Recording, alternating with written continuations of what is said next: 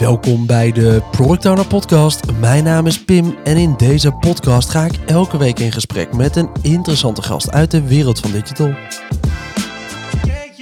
Deze week spreek ik met Edwin, Head of Product bij Want to Build, een marketplace voor de bouw, waar ze in de afgelopen jaren de switch maakten naar product-led growth.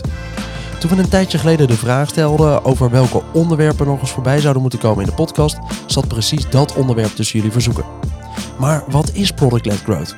En wanneer werkt het wel of niet voor jouw businessmodel? Hoe gaat Sjors de sales manager er straks mee om als klanten zelf beginnen te upgraden? Dat en nog veel meer rond product-led growth is wat we vandaag bespreken in de Product Owner podcast. Hey, leuk om je vandaag eh, hier in, eh, in de studio te hebben, Edwin. Hartstikke leuk om te zijn. Dankjewel. Hey, wat was voor jullie de trigger om te gaan kijken naar PLG? Eh, poeh. Ehm, nou, bij mij viel dat kwartje eigenlijk toen we, ehm, ik ben eh, drie jaar geleden begonnen bij Want to Build. Ja. En eh, de eerste opdracht die we hadden wa- eh, was eigenlijk om een customer success team op te zetten. En om aandacht te besteden aan gewoon bestaande klanten. Eh Want to Build is heel snel gegroeid. En dat ging altijd door gewoon een combinatie van sales, rammen. En als er wat moest gebeuren, dan liep een salespersoon naar development en dan werd dat gebouwd. Nou, Ja. je, weet, je weet hoe het gaat. Precies, ja, die waar de sales manager eigenlijk bepaalt wat er gebouwd wordt aan de hand van de maatwerkvragen van klanten. Nou ja, Ja. min, min of meer. Er werd wel eh, echt wel wat, een beetje sturing was er wel, maar Ja. er, was geen, er was geen product team, er was geen customer success, dat was, dat was het zeg maar. En ehm, wat je dan onherroepelijk op een gegeven moment krijgt, is gewoon, eh, je kunt best wel hoge churn krijgen. Dus gewoon bestaande klanten die, die gaan vertrekken. Eh, want ja, je moet aan die klanten op de een of andere manier aandacht besteden. En dus de eerste opdracht was, oké, hoe gaan we dan zeg maar dat churn percentage naar beneden krijgen? Ja. Eh, nieuwe klanten die we binnenhaalden was nog steeds veel meer dan klanten die vertrokken. Maar je zag wel een trend waarvan we dachten, nou, daar moeten we wat mee. Ja. En eh, dus dan duik je in de data. En to- toen zag ik al vrij snel van, ja, we kunnen, we kunnen hier mensen voor aannemen. En je kunt dit met menskracht gaan doen, maar je moet eigenlijk gewoon sowieso een bepaalde geautomatiseerde onderstroom hebben van waar klanten door het product geholpen worden Ja, we kunnen nou eenmaal niet iedereen gaan bellen. Ehm, en zeker, eh, het zeker toen en nu nog steeds hebben we mensen die gewoon in de auto springen voor de echte grote klanten die, die maatwerkbegeleiding nodig hebben. Ja, Ja. dat kun je niet bij iedereen doen. Dus je moet ook gewoon vanuit je product het een en ander gaan aanbieden. En ehm, ja, het ultieme doel daarbij is natuurlijk dat, een, dat, dat je dat voor de hele journey doet. Dus vanaf dat ze binnenkomen totdat ze vertrekken, moeten ze zichzelf gewoon kunnen redden. En als je door die lens naar je product gaat kijken, dan, dan gaat er wel een wereld open, zeg maar. ja. maar ik kan me wel voorstellen dat de eerste keer dat je dit teruggeeft, oh ja, jullie wilden dat ik bezig ging met churn. Ja, ik denk dat we het iets groter moeten aanpakken. We moeten denk ik naar dit soort zaken gaan kijken. Ja, bij de, ik wist dat toen natuurlijk nog niet, maar bij eh, mijn sollicitatie bleek al wel, van- toen kwam ook al eh, product te sprake. En, eh, ik, ik voelde een beetje aan van, god, dat is niet, is dat, dit is, lijkt niet belegd te zijn of zo. Daar hebben we toen ook al over gehad. En toen was ook al de afspraak van, oké, als dit dan staat, dan gaan we daar ook verder over praten. Want dat Juist. moeten we dan dus ook gaan doen. Ehm, en dat is dus met het starten van het productteam een, een tijdje later begonnen. Ehm, ja, dus dat, is, dat was de, de aftrap, zeg maar. Mooi. Wat was voor jou het moment dat je in product belandde? Wat was je eerste rol in, eh, in deze richting? Eh, dat zal wel. Ja, dit gaat mij enorm eh, dateren natuurlijk. Maar dat. nee, ja, dat weet ik veel. Dat is meer dan 15 jaar geleden of zo. Dat ik daarmee te maken kreeg in elk geval. Ik ben begonnen als consultant, technisch consultant. Ja. En toen projectleider geworden. En altijd heel erg geïnteresseerd geweest in van wat bouwen we nou dan en waarom dan. Ja. En eh, altijd geprobeerd daar een beetje tegenaan te bemoeien. En die trajecten te begeleiden van het bouwen van integraties. En eh, zorgen dat Juist. langzamerhand alle documentatie is op orde is. En dat we eh, op tijd dingetjes opleveren. Nou, Ja. zo rol je er een beetje in, zeg maar. Ja. En dat is in de loop van de jaren uitgegroeid naar ook QA is erbij gekomen. En, ja. Precies. En zo uiteindelijk beland je dan meer richting die van de projectrichting naar de productrichting en gewoon echt iets, iets houdbaars bouwen. Ja. Cool. En drie jaar geleden bij Want to Build terechtgekomen. Ik kende het nog niet, maar ja, wij raakten via LinkedIn in gesprek over dat onderwerp van eh, product-led growth. Wat doen jullie bij Want to Build? Wat is even in de kern wat, eh, wat het bedrijf doet? Eh, wij leveren aan de ene kant dus een procesoplossing voor hoofdaannemers in de bouw. Ja. Hoofdaannemers doen projecten, doen mee aan aanbestedingen. En die moeten binnen die aanbestedingen gewoon heel snel weten, oké, hoe zit dat project in elkaar? Welke partijen gaan, met welke partijen ga ik samen dit project doen? Ja. Voor welke prijzen? Eh, wat valt er wel onder, wat valt er niet onder, et cetera. Nou, dat is natuurlijk heel veel eh, heen en weer gemail en gebel en. Excel-lijstjes en noem alles maar op. En eh, daar hebben we een oplossing voor. Ja. En een groot deel van die oplossing is ook dat er dus een marketplace aan vastzit van alle onderaannemers in, of alle relevante onderaannemers in Nederland, België, Duitsland, Denemarken, et cetera. Juist. Zodat je ook nieuwe partijen kunt vinden. Want platweg moet je eigenlijk voorstellen dat het appartementencomplex waar je misschien wel in woont, daar zat één hoofdaannemer op, maar er zijn misschien wel tien onderaannemers bij nog betrokken geweest Ja. die ook onderdelen hebben gebouwd van zo'n pand. Ja, en voordat die hoofdaannemer begon, is er waarschijnlijk een, eh, een tender geweest, een Ja. aanbesteding, waar drie of vier of twee, whatever, aantal hoofdaannemers aan mee hebben gedaan om de opdracht maar te krijgen. Ja, Dus dat is de, de eerste fase, de calculatiefase noemen ze dat. Ja, dan moet je al prijzen weten. Je weet nog niet of je het gaat krijgen, maar je moet wel heel snel weten voor hoeveel zouden we dit kunnen gaan aanbieden. juist. En kan ik dan die aanbesteding winnen? Nou, en daar helpen we dus ook al mee. Ja. En hoe belangrijk is tech daarbij voor jullie? Ja, het ehm Want to Build was eh, eh, in Nederland het eerste platform die dat gedeelte gewoon automatiseerde. Die daar letterlijk een, een oplossing voor bood, een SaaS-oplossing. Dus eh, ja, we zijn een softwarebedrijf. En, Precies. we proberen, Software eigenlijk in de core van het bedrijf. Ja, Ah, mooi. En dat product development team, dus jouw rol is, eh, is head of product. Maar hoe ziet bij jullie het product development team eruit? Ehm, we hebben drie, eh, drie development teams. Ehm, een aantal UX'ers, eh, PO's, et cetera. Ehm, Robert, mijn collega van development, head of development en ik eh, draaien daar zelf ook gewoon nog in mee. Doen een, we hebben onze eigen dingen waar we mee bezig zijn. Ja. Optimalisaties die we doen, eh one-off projecten, et cetera. Ehm, eh, er moeten eh, driftig eh, mensen bij. Ja. Dus zoek me op op LinkedIn. Maar ehm, eh, ja, dat is hoe het in elkaar zit. Precies, cool. Oh, dat is leuk om even te begrijpen. Ik vind het altijd leuk, ook voor mezelf, maar ook voor de luisteraars van de aflevering, om een beetje een beeld te geven bij wat gebeurt er nou eigenlijk en wat zijn, hoe ziet jouw omgeving er eigenlijk uit. Laten we even die switch maken naar dat hoofdonderwerp. Product-led growth. Hij werd een paar keer benoemd tijdens het uitvragen van waar moeten we het nou eens over hebben.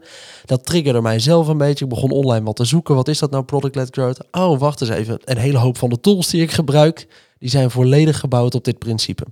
Kun jij even een, een, een soort basisuitleg geven van wat PLG is?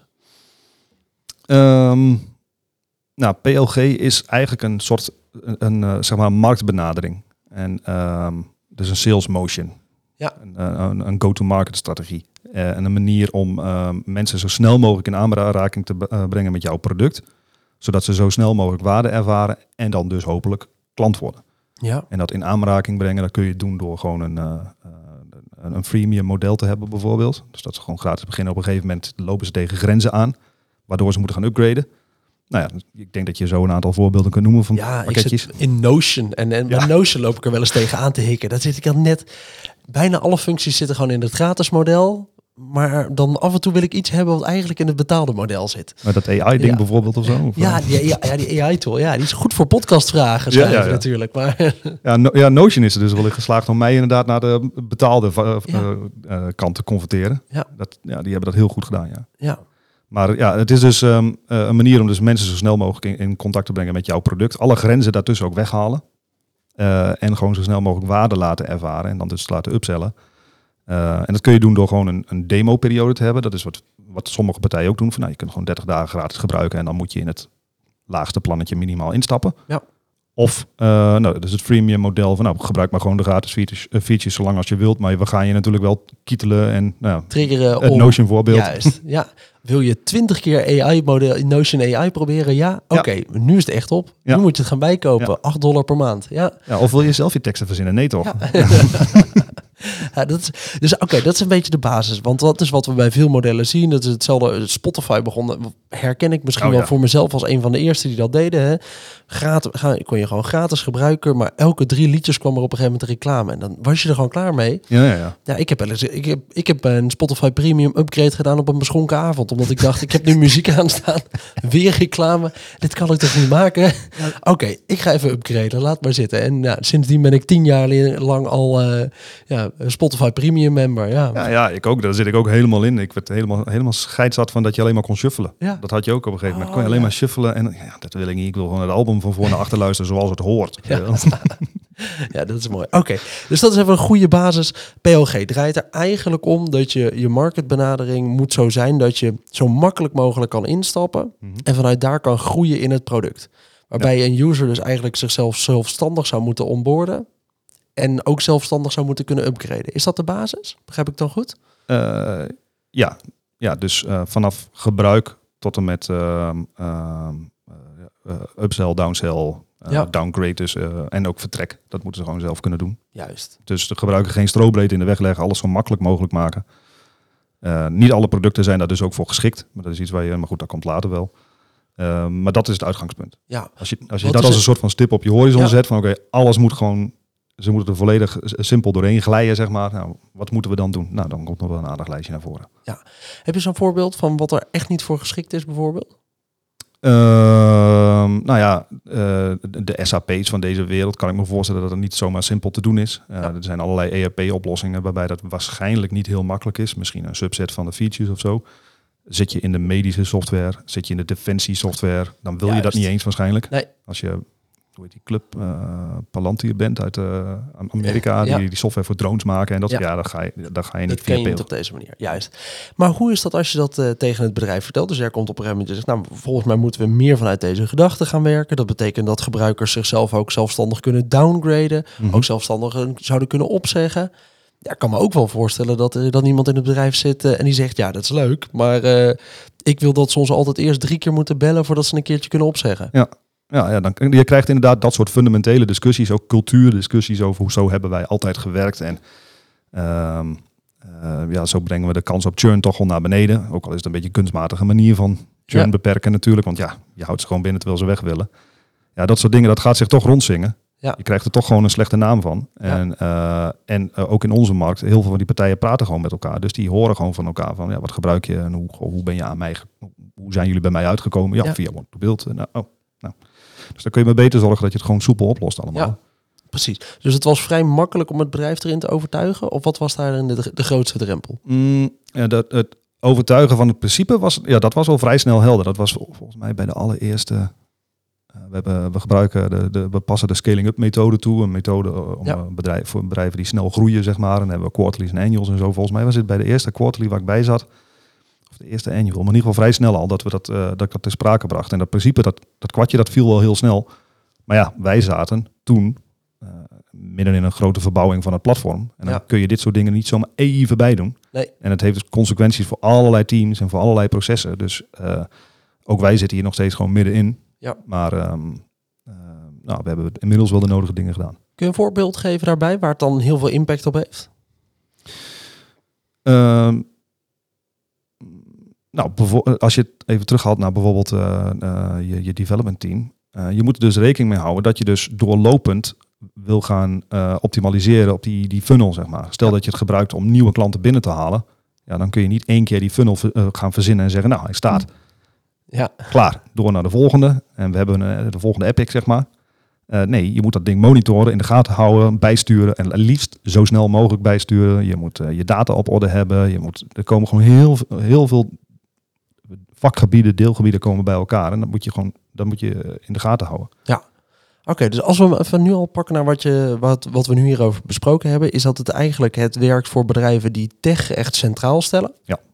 Waar een user in principe zelfstandig binnen zou moeten kunnen bewegen. Ja. En waar je je analytics en meetbaarheid goed op orde hebt. Want als je dat niet hebt, dan raak je ze alsnog kwijt. Ja, ja veel bedrijven, eh, ja, je product analytics, dat moet gewoon, dat moet gewoon draaien. Ehm, veel bedrijven kunnen ook wel, die zeggen, nou, we draaien wat queries uit onze database Ja. eh, enzovoort, enzovoort. Dat kan ook.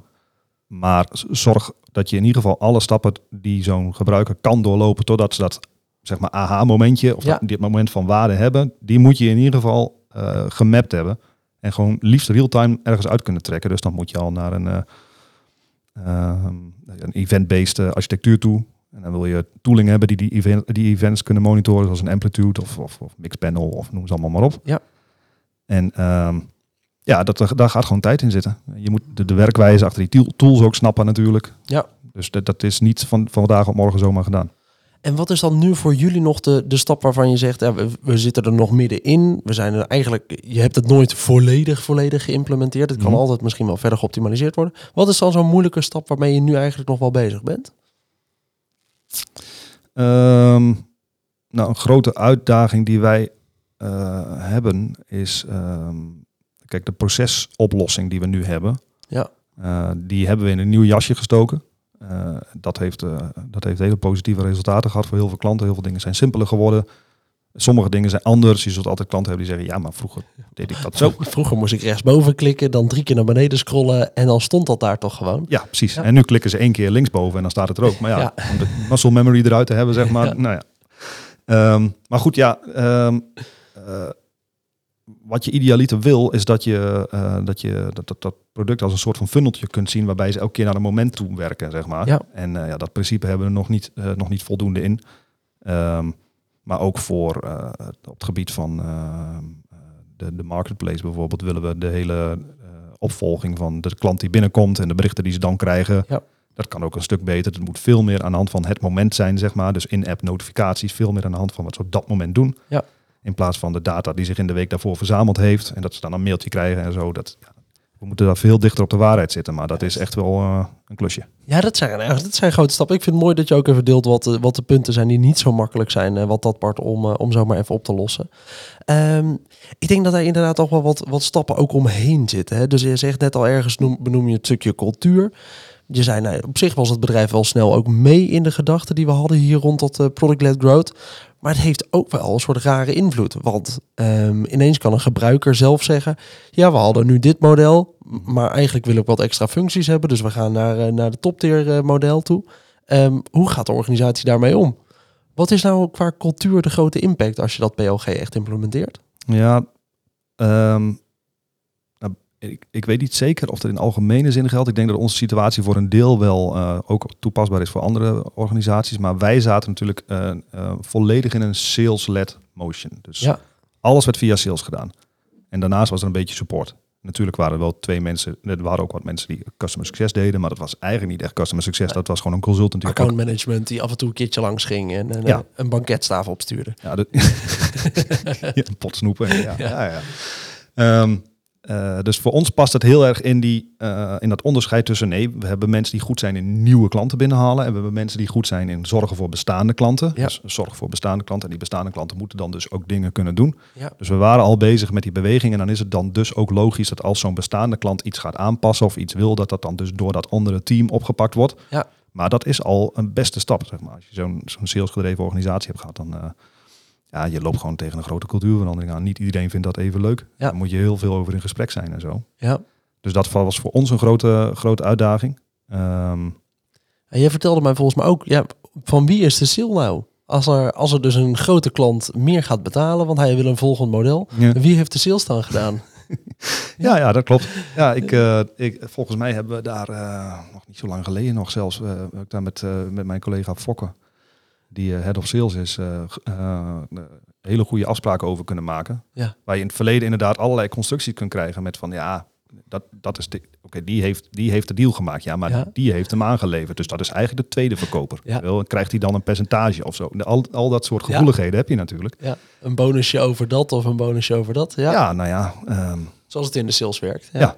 En ja, als je daar wat van afstapt, ja, dat, eh, dat, dat kan gevolgen hebben. Dus eh, je wil ook geen discussies van, oké, wie pakt nou op customer succes of, eh, of sales. Dat hebben, daar hebben we hele goede afspraken over kunnen maken, gelukkig. Ja. Eh, en, en daarnaast zijn er dus ook klanten die zelf hun abonnement aanpassen. Ja. Maar dat zijn dus bestaande klanten. Ja. Dus heel vaak ligt dat gewoon bij customer success. Tenzij de sales manager nog, of sales- account manager nog in de lead blijft, omdat het een hele grote account is. Precies, ja. Of omdat ze hem altijd gedaan hebben. ja. Maar ik kan me wel voorstellen dat de eerste keer dat wel heel grappig is op zo'n salesafdeling. Als een van die grote klanten zelf besluit om even te upgraden en eh 2000 euro per maand extra te gaan betalen of, eh, of iets dergelijks, in welke range het ook is. Mhm. Dat iedereen toch even zit te kijken, huh, maar wie heeft nou gezorgd dat die klant meer is gaan betalen? Ja, dat heeft hij eigenlijk zelf verzonnen aan de hand van wat hij nodig heeft. Ja, ja je, je, je, je krijgt inderdaad, omdat je de, de, de teugels uit handen geeft, dan zie je in, opeens, dat is natuurlijk nooit opeens, Nee. Als het goed is moet je daarvoor al allerlei datapuntjes gezien hebben. Nou, dat is bijvoorbeeld ook iets waar we ons nog kunnen verbeteren. Maar Ja. dat mag niet zomaar opeens gebeuren. Gewoon, Nee. Waarom doet hij dat? Ja, Ja. weet ik niet. Heb jij hem gesproken? Nee, ik niet. nou, dat.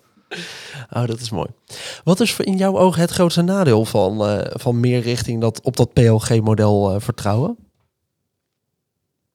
Wat, eh, wat mis je eigenlijk in opzichte van een, van een andere structuur? Mm, Nou, ehm, het is sowieso niet eh, de heilige graal voor alle bedrijven. En omdat het... ehm, eh, er was een periode dat het een beetje een hype was. Nou, ik geloof dat die hype cycle, eh, de early adopters zijn we nu al voorbij. Maar er is Ja. nog een hele grote berg aan mensen die ook, ook eigenlijk wel willen. Ehm, maar waar we met z'n allen wel achter komen, denk ik, dat het is niet de enige weg die naar Rome leidt. Ja, Zeker als je een, de- ook wat meer de enterprise op wil, ja, dan ga je daar gewoon niet zomaar komen met PLG. idealiter heb je natuurlijk één gebruiker binnen een teampje die zegt, oh wat een handig toeltje. Ja. Die het dan introduceert bij de rest van zijn Ja, team, waardoor ja. het groeit. Dat is het ideale scenario. Maar bij de grote jongens heb je nog steeds gewoon een accountmanager nodig die op eh, bezoek komt of die een demo doet. En finance en legal dingen waar je doorheen moet. Ja, dat kun je gewoon bijna niet wegautomatiseren. Nee. Eh, daar zit gewoon een verhaal achter. Die mensen willen even aandacht, begeleiding en zo. En ehm, dus eh, ehm, Reken jezelf niet rijk doordat je denkt, we, hebben, we implementeren dit. En iedere klant gaat inderdaad zelfstandig eh, het product ineens gebruiken. nee, nee. Nadat hij eh, drie eh, LinkedIn ads voorbij zag komen, is hij nu in één keer user. Ja. Ja. Ja, kijk, je kunt natuurlijk wel, het ideaal, ideale beeld wat je altijd voorbij hoort komen is van, we hebben een growth team. Voorheen noemde je dat growth hacking, waarmee dan mensen binnenkwamen. En nu heb je een growth product team die dan alleen maar bezig is met het optimaliseren van die funnel. En, Ja. en, dat- en daardoor komen de bakken met klanten binnen. En, ja, dat is gewoon niet zo. Tenminste, niet bij ons. Niet, nee. nee, ik denk dat dat heel zeldzaam is waar eh, de scenario's waar dat gebeurt. Ja. Ik denk inderdaad, maar wat wel bijdraagt inderdaad aan zo'n hype is, is de grote partijen zoals een Notion of een Spotify die dit natuurlijk hebben geïmplementeerd en die zeggen ja, maar hier draait ons hele model op. Ja, ja, ja. Ja, dat is even niet zoals je gewoon een goed zakelijk product probeert neer te zetten. Nee, In uit- jullie geval ben je ook een B2B product. Ja, ja. Dat maakt het ook nog wel anders lijkt me. Ehm, ja, nou goed, we hebben dus enterprise klanten. En ook de, maar ook de partijen die jij nou net noemt. eh, Ja. Notion bijvoorbeeld ook, heeft gewoon een enterprise sales team. Ja, Ehm, eh, Slack heeft ook gewoon een enterprise sales team. Die, die zijn een aantal jaren geleden zijn ze ook al tot de conclusie gekomen van ja, we moeten ook gewoon met leads gaan praten. Ja. Als we adoptie willen, als we iets tegen Teams, bijvoorbeeld die concurreren met Teams. Ja. Microsoft heeft er natuurlijk in zijn bloed zitten, dat soort. eh, ja, Microsoft heeft overal mensen rondrijden. Ja, ja. ja, nou, als je daar tegenaan wil, ja, dan moet je gewoon een enterprise sales team hebben. En dat is prima. Ehm, juist. Dus Maar- dan ga je het combineren. Ja, maar waar, waar het in beide gevallen om gaat, is in beide situaties, en dat geldt, dat geldt ook voor enterprise sales, je moet klanten binnenhalen, je moet de juiste klanten binnenhalen. Daar begint het gewoon mee. En Ja. eh, dat is al, lead kwalificatie en dat is altijd al belangrijk geweest natuurlijk. Eh, maar ik vind het wel mooi dat dat basisprincipe van PLG, van eh, eh, klanten, mensen aanspreken die daadwerkelijk iets aan je product hebben, want die blijven hangen, dan krijg je retentie, et cetera. Dat geldt voor beide go-to-market motions, zeg maar. Of het nou enterprise sales is of het is, eh, het is eh, PLG. Ja. Eh, in beide gevallen wil je alleen de juiste klanten binnenhalen. Maar daarmee zeg je, als ik me goed begrijp, hè, zeg je daarmee heel erg dat waar je voorheen ook nog wel, zeker in de, in de digitale producten, in de sales vaak had, dat een salesmanager gewoon zei: Oké, ik heb iemand die lijkt een beetje op onze klant, maar hij wil ons product wel gebruiken, maar dan moeten we dit en dit een beetje aanpassen. Dan gaan we dat toch gewoon verkopen. En nu zeg je eigenlijk, nou ja, dit, de, dit duwt er alleen maar meer naartoe dat we alleen maar zoeken naar die klant die echt past bij het product zoals het is. Mhm. Geen grote maatwerkaanpassingen. Dit is wat we eigenlijk doen. Enkel voor een, inderdaad een mega enterprise klant waar je een paar tweaks voor moet eh, doen die, eh, die specifiek zijn.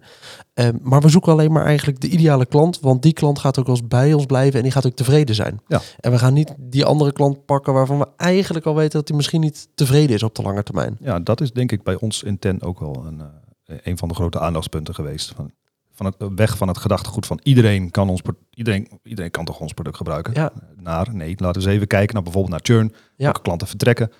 Eh, wat is de, de customer lifetime van dit soort klanten bijvoorbeeld? En Ja. dan zie je gewoon van ja, er zijn gewoon gasten, bedrijven die gewoon inderdaad minder uit Want to Build halen, omdat ze gewoon ja, de features zoeken die wij niet hebben bijvoorbeeld, of omdat ze een andere visie hebben. Ja. En dat past dus ook heel, weer heel erg bij het customer succes gedachtegoed. Van klanten succesvol maken op basis van jouw product. Nou, PLG past daar ook heel goed bij. Ja. Het past heel erg goed in de, in de, in de tijdsgeest, zeg maar. Ah, dat is wel mooi. Als ik hem nu goed begrijp, dan is er eigenlijk is dat stukje marketing automation wat er ook in zit. Veel mailtjes eigenlijk wel sturen, ook naar je gebruikers. En die up-to-date houden is echt wel in de kern van PLG. Dus er zit best wel een stuk, een groot marketing onderdeel eigenlijk om dit goed te implementeren. Ja, Niet ja. per se alleen maar tech-achtig. Nee, nee, nee, nee. En daarom is het ook zo'n interessant gebied, omdat er gewoon allerlei zaken bij elkaar komen.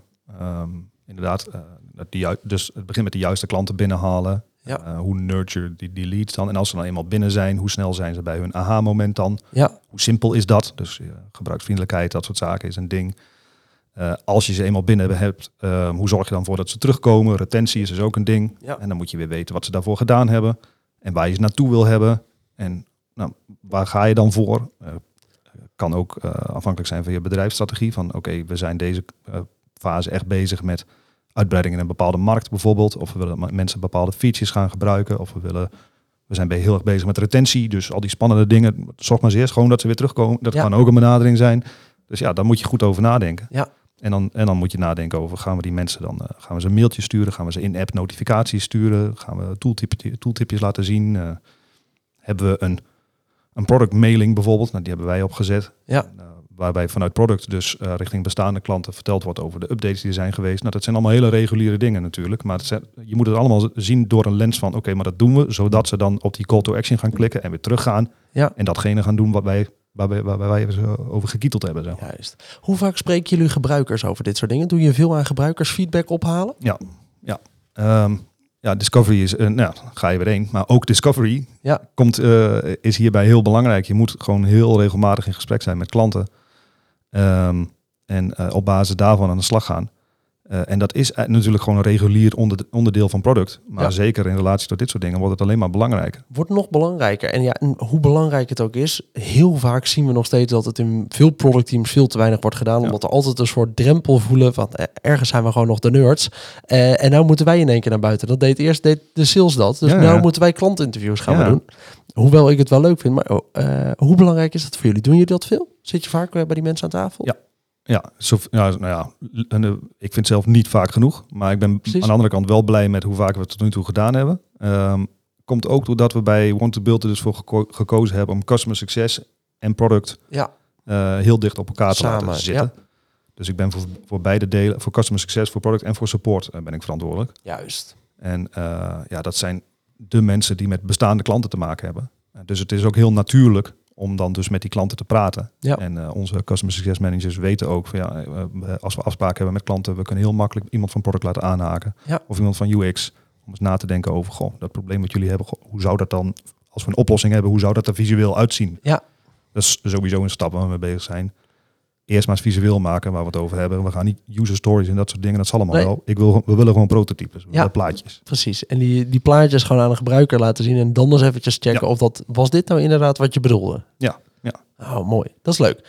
Hey, voordat we dit onderwerp verder afsluiten. Als je nou eh, deze aflevering zit te luisteren en je zit een beetje in twijfel, moeten we hier iets mee? Waar moet je bij stilstaan voordat je begint aan PLG? Ehm, heb je je data op orde? Ja, Dus kun jij daadwerkelijk die stapjes die die gebruiker doet, kun je die meten? Kun je die inzichtelijk maken? Zijn dat ook de stapjes die ze doen? Weet je dat zeker? Is dat dat knopje waar ze op geklikt hebben? Ja. Eh, collega Patrick die, eh, die zegt altijd van alles is een funnel. Maar dat, is, dat is een sales guru, dus daar ben ik het dan principieel niet mee eens natuurlijk. Maar hij, hij heeft voor een heel groot gedeelte wel gelijk. ja precies. Hij ziet zelfs eh, het lunchbuffet als een funnel. Ja. Ja. Beginnen met een leeg bordje en alles ja. dan. Ja, Ja, en die, dat, die gedachte moet je wel een beetje erin hebben natuurlijk. En eh, ik vind dat ook op de een of andere manier wel bij product passen. Want het gaat over de mensen die jouw product gebruiken, die als het goed is geld betalen om die features te gebruiken die jij gebouwd hebt. Want het Ja. lost problemen voor hun op. Dus die commerciële mindset mag je best hebben. Ja. Hoort er gewoon bij. Eh, maar de- dus je moet je data op orde hebben.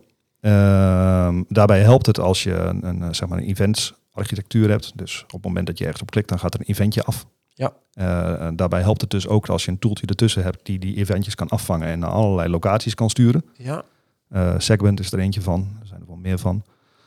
Ehm, vervolgens is het handig als je iets hebt die die eventjes kan visualiseren. Zoals een amplitude of een mixpanel of een heap of een, nou, allerlei dat soort ehm, bekende oplossingen. Eh, en je moet er een beetje handig in worden. Dus je moet er een beetje handig in worden om die dingen... Je moet een soort van self-serve analytics, dat is idealiter wel wat je kunt. Eh, wij hebben gelukkig ook een, eh, een, eh, een aantal datagoeroes. Lodewijk is er daar eentje van. Ja, die schudden dat soort dingen uit de mouw. Die bouwen ook in Tableau allerlei dingen. ja en, precies. dat kan ook. Maar kies iets wat, wat, wat, wat gewoon snel en snappy werkt, zeg maar. Iets waar, waar niet, wat je dan op de backlog van het datateam moet zetten. En over twee weken hebben we een dashboardje waar ik dan een keertje op... Nee, dat is niet handig. Je moet zelf aan de slag kunnen. Ja. En ehm, eh, dat, dat is wel een voorwaarde. En je moet erop voorbereid zijn dat je dus eh, direct wil handelen als je iets ziet. Dus wij hadden een, een voorbeeld van een situatie, daar hadden we net Amplitude ingezet. Of, ja, net, maar een tijdje. En toen vroegen we ons af, goh, waarom haken zoveel mensen eigenlijk af ergens in die funnel? We weten niet precies waar dat is. Wat is dat dan? Nou, hebben we, punt 1, hebben we alle, de juiste eventjes dan wel? Nee, shit, we missen toch nog een paar dingen. Oké, Ja. nou, bouwen, eh tijdje data verzamelen. En op een gegeven moment, eh, via Amplitude, wordt het dus heel mooi inzichtelijk gemaakt. Dan zie je inderdaad een funnel en een heel, met een heel groot drop-off point. En dan ga je eens kijken, goh, Dus ze hebben wel daarop geklikt, maar ze komen niet op dat. En wat is dat dan precies? Ga je het zelf nog eens een keer naspelen? En voor ons is het allemaal heel logisch. Hoe je Logisch. klikken, Want, ja, ja. de, klikken de klik. En dan denk ik, oh, wacht even. Maar dit is het stuk waar ze hun bedrijf moeten claimen. Dit is een nieuwe klant die binnenkomt. En dat, die klanten staan allemaal al in onze database. Dus ze moeten gewoon zeggen, dat bedrijf zijn wij. Ja. En dat vonden ze heel lastig. Hoezo, hoezo moet ik mijn bedrijf claimen? Wel, Ja. ik, ik ben dat bedrijf. Waarom moet ik daarop klikken? Dat is, En dat snapt dus niet in hart. Dus af. Ja, maar dat, Oh. op die manier zagen we dat en denken, oh ja, natuurlijk, mensen hebben geen benul wat claimen is, dat doen wij voor ze. Ja. Of wij vertellen ze dat. Ja. Als we sales hebben, vertellen we ze dat je dat moet doen. Ja, dus het is alleen voer hier je bedrijfsnaam in. En dan moeten jullie het linkje maar gewoon gaan leggen. Ja, je moet gewoon, achter, je moet bereid je maar voor dat je achter de schermen moet je gewoon heel veel met duct tape aan de slag om je eigen procesjes eh, een soort van eh, te automatiseren, zeg maar. Ja. Geautomatiseerd, ja, op die, op die manier. Ja. Ja, ja, Het, het leek voor de gebruiker in ieder geval één, één flow, maar dat er nog iemand achter de schermen gewoon wat dingen aan het regelen was, dat is oké in Ja. het begin. Ja. Ja, dat is ook wel voor mij ook wel weer een beetje eh, bemoedigend of zo. Je hoeft niet alles helemaal top te hebben. Het is helemaal prima als je gewoon met spreadsheetjes en duct tape aan de slag bent. Ja. Als het maar voor die gebruiker maar lekker werkt. Ja. Als ze zo snel mogelijk doorheen gaan. Precies. En dan zie je vanzelf in welke onderdelen de, de meeste druk ligt en waar je echt in moet gaan automatiseren en Ja, optimaliseren. ja. En dan moet je je aandacht gewoon goed verdelen. Je aandacht kan niet overal liggen. Ja, en d- dat is wel voor ons ook wel een, een, een les geweest. Ja, je, je kunt dit er niet zomaar bij doen. Ik zou het liefst willen dat we, de, dat we nog veel meer van dit gedachtegoed gewoon geadopteerd hadden. En al door de hele suite heen hadden zitten. Maar Ja. Is gewoon eh, heel slecht te doen. Stap voor stap. Cool. Ik vond het leuk om het hier eh, over gehad te hebben, Edwin. Dit is, eh, ik vind het leuk om het wat beter te begrijpen. Ook hoeveel, wat voor bedrijven het wel en niet zouden moeten gebruiken. Ehm, laten we hem eventjes afronden met, met de grote lessen die we hieruit kunnen halen. Ehm, als je nou bedrijven die bezig zijn met, nou, met name SaaS-bedrijven bijvoorbeeld, die bezig zijn, nou, oké, we willen misschien wel wat meer doen met product-led growth. Wat is de tip die je ze wil meegeven? Ehm, nou, Uit eigen ervaring waarvan je zegt, nou, dat had ik graag even van tevoren gehoord. Eh, nou, misschien een paar kleine, ja, nou, een paar tips dan. Ehm, dus ken je product, ken je klant. Ja.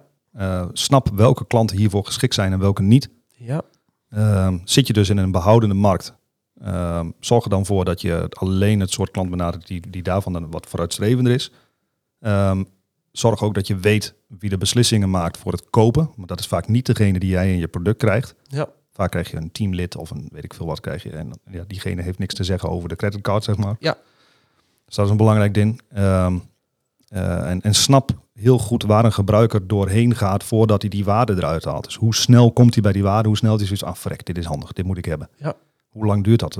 Bij ons, eh, aan de onderaannemerkant zeg maar, ja, dat, dat je kunt je abonnement afsluiten, je kunt upsellen, downsellen, al die dingen meer. Eh, maar ehm, eh, er moeten wel aanvragen bij jou binnenkomen. En dat kunnen wij niet van tevoren garanderen, zeg maar. Nee. Dus, en dat is de waarde die ze eruit halen.